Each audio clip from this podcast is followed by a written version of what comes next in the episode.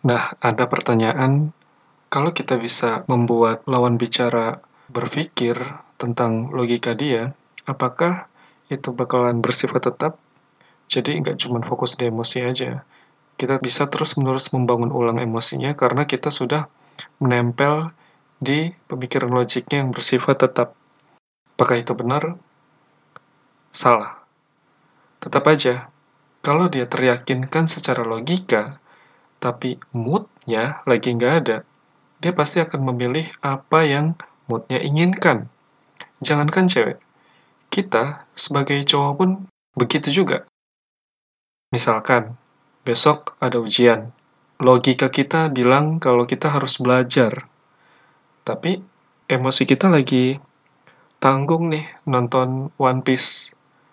Jadi kita membuat seribu satu macam alasan untuk menunda belajar dan bilang, ah nonton dulu ah One Piece. 10 menit habis itu belajar. Tapi setelah 10 menit apa yang terjadi? Satu episode dan terus menerus tanggung hingga begadang dan akhirnya lupa belajar. Dan pada satu ujian kita gagal dan kita baru menyesal. Jadi lihat kan emosi itu lebih powerful dibandingkan dengan logika. Ada juga pertanyaan seperti ini. Ada hubungan yang kita bangun bersama teman-teman, dan itu bersifat selamanya, bukan?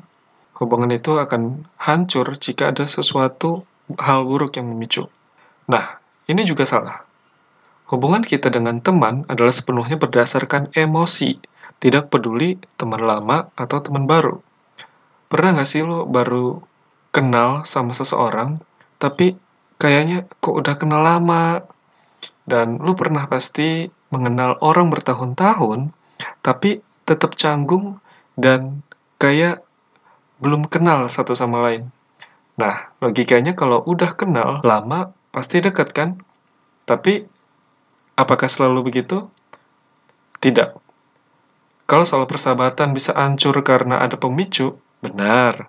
Tapi coba deh pikirkan teman yang emosinya sudah tersangkut dengan kalian. Gak peduli kamu salah atau benar, pasti dibelain kan sama mereka. Dan dengan seribu satu macam alasan logika, mereka bisa membela kalian, walaupun kalian salah. Yang benar bisa jadi salah, yang salah bisa jadi benar. Itu karena apa? Betul, karena emosi yang menyamar jadi logika. Ada sebuah kasus seperti ini. Misalkan dalam pertemuan pertama kita berhasil membuat seorang cewek tertarik sama kita dengan tujuan biar masuk ke zona nyaman. Tapi begitu ceweknya pulang, dia pasti mencoba melogikakan emosinya yang dia rasain saat bersama kita. Nah, di sini ibaratnya kayak checkpoint ada dua kemungkinan. Checkpoint pertama, dia berpikir kalau gue baru aja kenal tapi kok bisa ngerasain kayak gitu ya dan akhirnya emosi yang dia rasain sebelumnya hilang. Dan begitu kita telepon atau kita chat untuk membangun kenyamanan mencoba untuk kenal dia lebih jauh tapi ketertarikan dia terhadap kita sepertinya hilang. Dan dia pikir ah malas ah ngeladeninnya dan chat kita berakhir di read doang.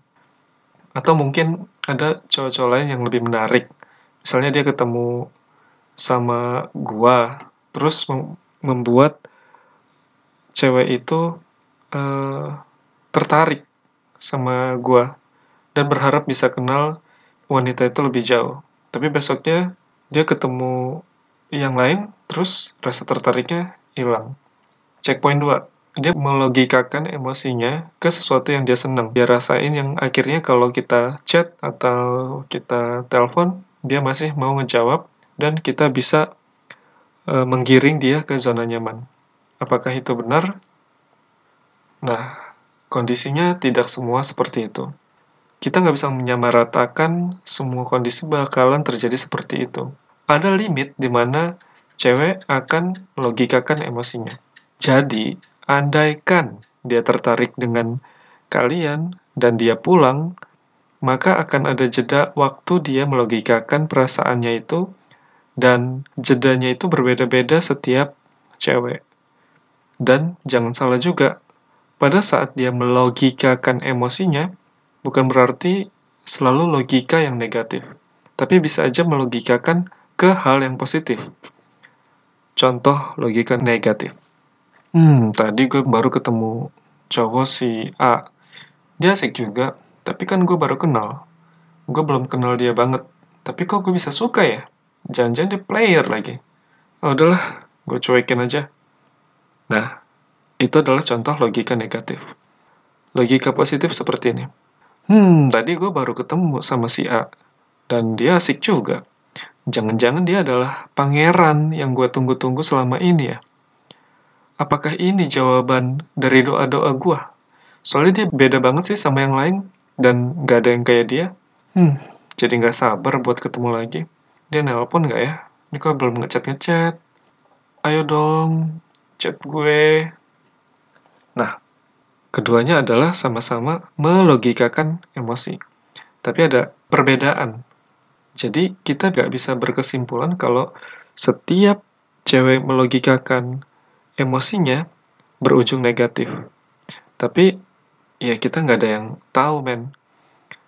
Bisa aja dia melogikakan hal-hal yang positif. Dan gue saranin kalian ya berpikir selalu dengan hal-hal yang positif. Tapi kalau bikin ke step berikutnya, jangan terlalu lama dan juga jangan terlalu cepat. Kenapa? Kalau terlalu lama, dia bisa ilfil karena dia nungguin lama dan dia negatif thinking kalau lo nggak suka sama dia. Kayak tadi kan, tuh kapan sih dia ngechat gue? Nah, kalau terlalu cepat, dia tidak akan merasa nyaman. Jadi, semua itu ada kalibrasi, men. Semakin tinggi pengalaman lo, kalian akan semakin ngerasain gimana mengatur kalibrasinya. Ya kayak main COD mobile atau PUBG lo pakai giroskop, semakin lo sering main, kalian akan semakin hatam untuk mengatur kalibrasinya. Tapi sebenarnya yang perlu kalian pikirkan atau yang menjadi mindset kalian adalah lakukan aja. Just do it dan jangan pernah menyerah. Kalau kebanyakan mikir, kondisi-kondisi tadi tidak akan menjadi kenyataan. Ada yang bilang kalau kita bisa menguasai emosi wanita, wanita akan melakukan apa pun demi pria yang menguasai emosi wanita tersebut. Nah, maksud dari menguasai emosi wanita itu seperti apa? Apakah kalau ketika wanita bete, kita bisa bikin dia happy, atau ketika dia ngedown, kita bisa bikin dia semangat lagi. Ketika dia narsis, kita bisa bikin dia sedikit malu. Apakah seperti itu? Apakah kita sebagai pria yang posisinya bisa sebagai pemimpin, pembimbing, atau pilot sebuah hubungan? Apakah emosi kita harus selalu stabil untuk menghadapi wanita yang kurang stabil ini? Nah, menguasai emosi maksudnya bukan menjadi dewa si wanita yang memungkinkan kita seenak hati mengontrol wanita tersebut. Oke, gue ulang sekali lagi. Menguasai emosi bukan menjadi dewa, tapi kita membuat wanita menjadi membutuhkan dan selalu ingin dekat dengan kita karena kecanduan zat adiktif emosi tertentu. Contoh, ada orang yang kecanduan ngerokok. Dia akan ngerasa emosinya gak nyaman pada saat mereka berhenti ngerokok.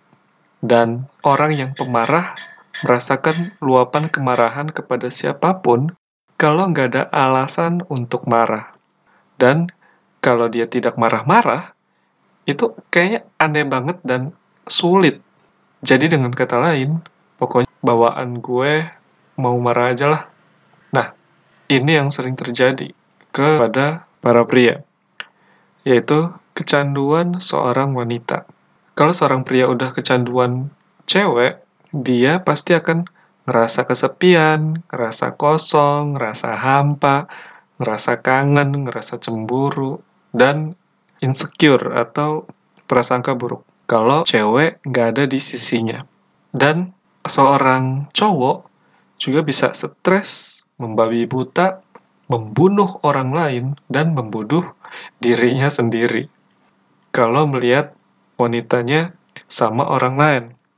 Nah, itu semua karena emosi yang dirasakan seseorang. Itu pasti dikuasai oleh zat adiktif atau candu akan suatu keadaan, kehadiran seseorang, dan perilaku seseorang. Jadi itu yang saya maksud menguasai emosi, membuat kehadiran dan perilaku kalian menjadi hal yang adiktif bagi wanita. Tetap pada fase di mana wanita akan merasakan emosi yang tidak kita inginkan, itu wajar. Karena kita adalah orang yang berbeda dan kita tidak sempurna. Namun, paling tidak ada 80% emosi yang diberikan seperti yang kita inginkan jika benar-benar perilaku dan kehadiran kita adalah sesuatu tanda petik baginya. Nah, gimana peran kita sebagai seorang pria jika wanita udah membiarkan kita memimpin emosinya? Apakah kita pria yang memimpin harus selalu stabil emosinya, nggak pernah marah? Nggak juga ada kalanya kestabilan emosi bisa menjadi bumerang buat kita. Kenapa? Stabil adalah sifat yang membosankan. Eh, padahal enak-enak aja. padahal stabil-stabil aja. Tapi apa yang dirasakan oleh emosi kita? Ya, bosan lah kalau gitu-gitu aja. Harus ada bumbu di mana emosi pria turun naik dan penuh adrenalin. Jadi ada kalibrasi lagi di sini. Itulah yang membuat zat adiktif atau membuat wanita tergila-gila kepada seorang pria.